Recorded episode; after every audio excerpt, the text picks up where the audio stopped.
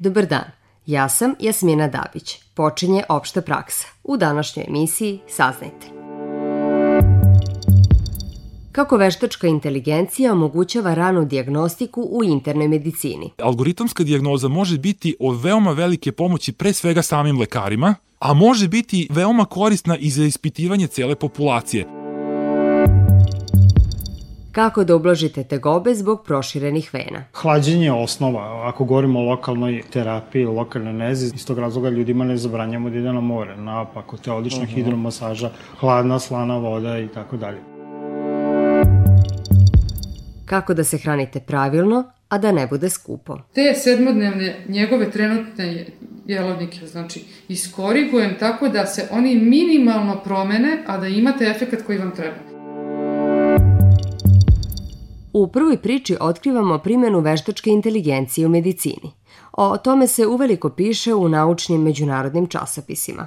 Mnogi od radova plod su istraživanja naših stručnjaka, koji nastoje da razviju softver za rano otkrivanje osoba u riziku od sve češćeg metaboličkog sindroma. Taj sindrom odgovoran je za razvoj kardiovaskularnih bolesti, glavnih uzročnika smrtnosti. Evo šta se dešava na tom polju gojaznost, hipertenzije, poremećaj nivoa šećera i masti i pojedinačno ugrožavaju zdravlje. Kada se udruže, nastaje metabolički sindrom, odgovoran za mnoge bolesti, pre svih za srčane i za nastanak dijabetesa tipa 2. Procena je da ga ima trećina stanovništva – Ako bismo rano detektovali osobe sa povećenim rizikom za razvoj metaboličkog sindroma, značajno bismo uticali na zdravlje populacije. Na razvoju algoritma, kojim će to biti omogućeno, zajednički rade stručnjaci dva novosadska fakulteta, medicinskog i fakulteta tehničkih nauka, priča profesor FTNA Aleksandar Kupusinac. Cilj nam je da napravimo algoritamsku dijagnozu putem veštačke inteligencije.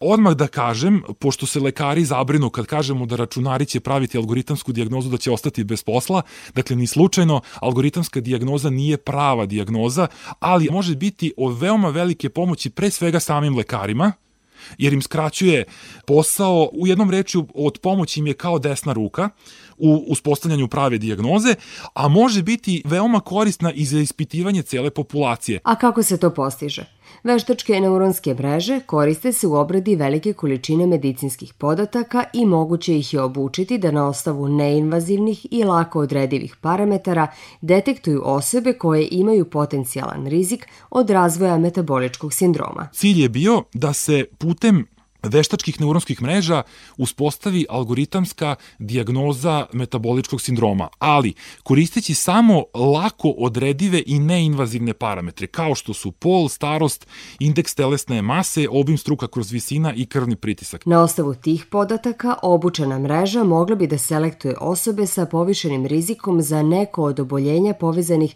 sa metaboličkim sindromom, poput dijabetesa na primer – Algoritamska dijagnoza na lako odredivim parametrima omogućila bi da se za kratko vreme ispita cela populacija, a osim uštede u vremenu, donela bi i uštede u novcu. Veštačka neuronska mreža sa jednom prilično velikom tačnošću može da nam selektuje osobe kod kojih postoji potencijalni rizik od e, metaboličkog sindroma.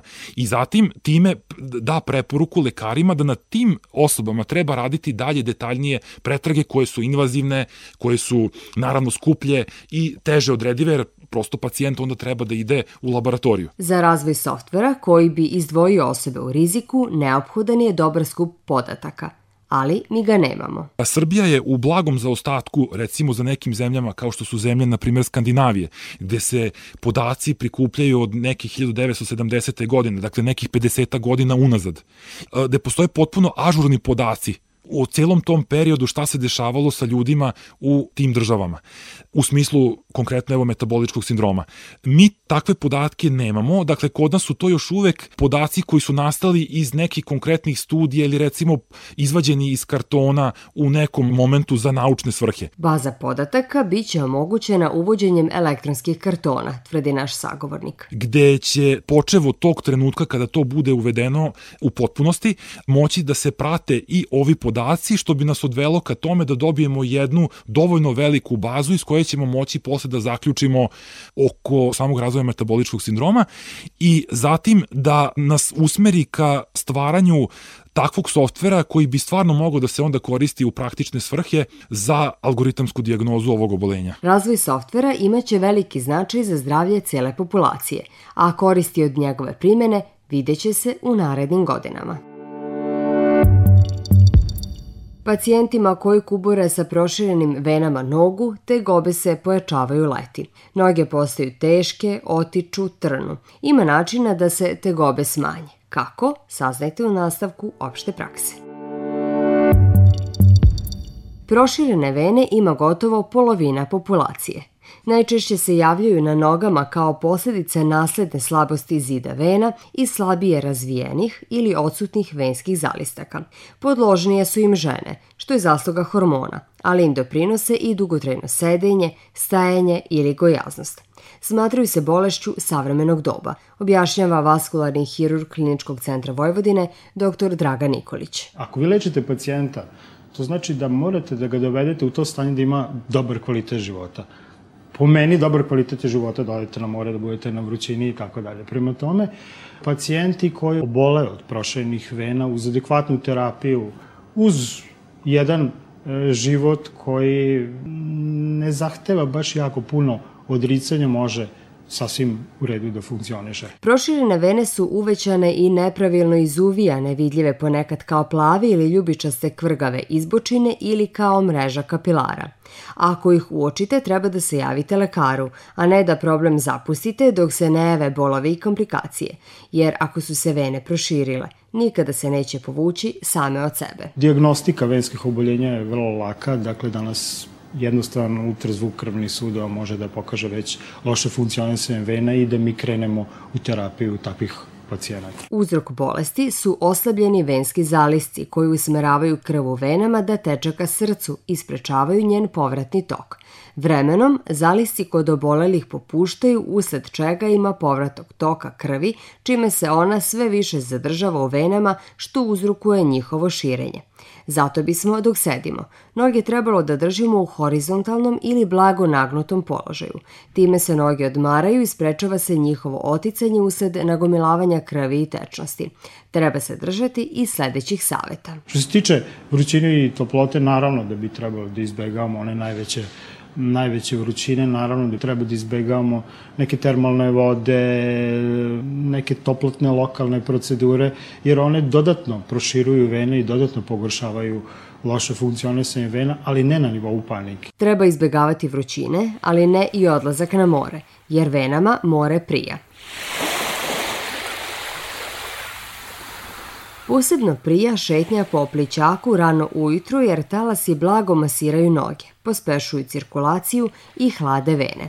Kada niste u vodi, noge je poželjno obmotati mokrim peškirom i tako ih hladiti. Dakle, hlađenje je osnova. Ako govorimo o lokalnoj terapiji, lokalnoj nezi, iz tog razloga ljudima ne zabranjamo da ide na more, napako, te odlična uh -huh. hidromasaža, hladna, slana voda i tako dalje. Ali postoje i kreme koje to rade i, još jednom ponavljam, adekvatna terapija koja im je propisana od strane vaskularnog hirurga. Proširene vene same po sebi nisu opasne po život, ali pošto u njima krv slabije cirkuliše, može nastati postepeno zgrušavanje i stvaranje tromba, što može imati veoma ozbiljne, čak i fatalne posledice po život. Zato treba biti oprezan. Vi možete operisati venu u svakom stadijumu. Dakle, ako govorimo o estetici, ako govorimo o funkcionalnosti, onda postoji tačno u kom u kom to uh, stadijumu se radi. Ali svakako mi za svaki stadijum imamo pristup i ako se pacijent na vreme javi, onda nema razloga da bude zabrinut da neće moći da bude rešen.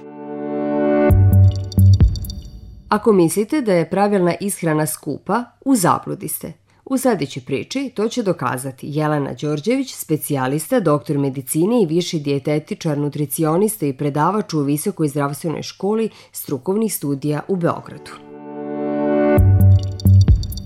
Nije svačiji bazalni metabolizam na istom nivou. Neko možda malo ima više tiroidne hormone, pa možda pojede više pa da mu to ne smeta. Neko ima niže, pa jede ko mrav, razumete, jede kao da ima, treba da ima 15 kg manje.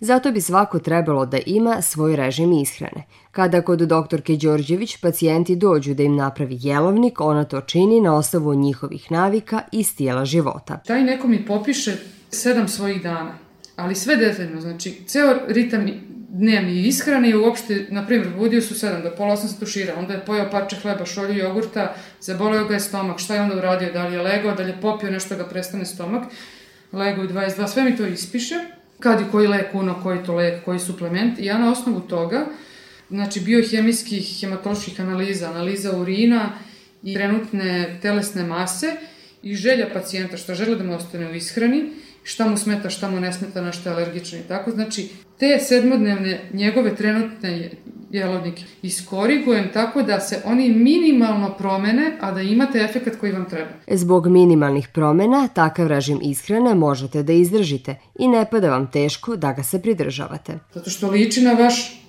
prethodni životni stil. Drugo, koristite namirnice koje ste inače koristili. Znači, navikli ste nešto da kupujete, cela porodica to jede. Drugo, ne izlažete se novim namirnicama u smislu poveć, ne povećate šansu za alergiju.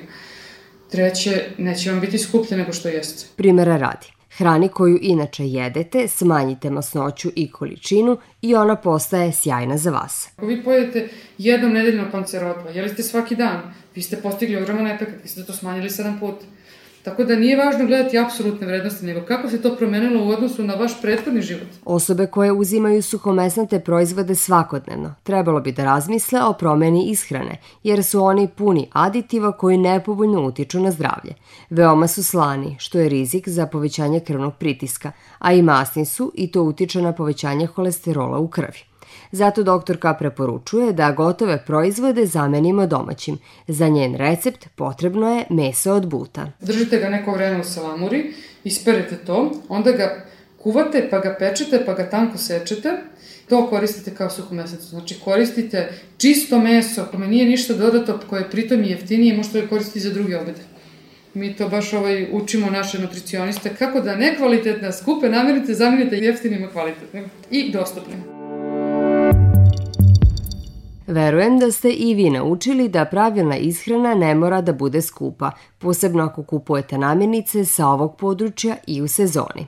Kako da čuvamo zdravlje, učit ćemo i sledećeg četvrtka. U 12.15 na Radio Novom Sadu i uživo i otloženo na sajtu rtv.rs čeka vas nova opšta praksa. Do narednog slušanja pozdravlja vas Jasmina Dabić.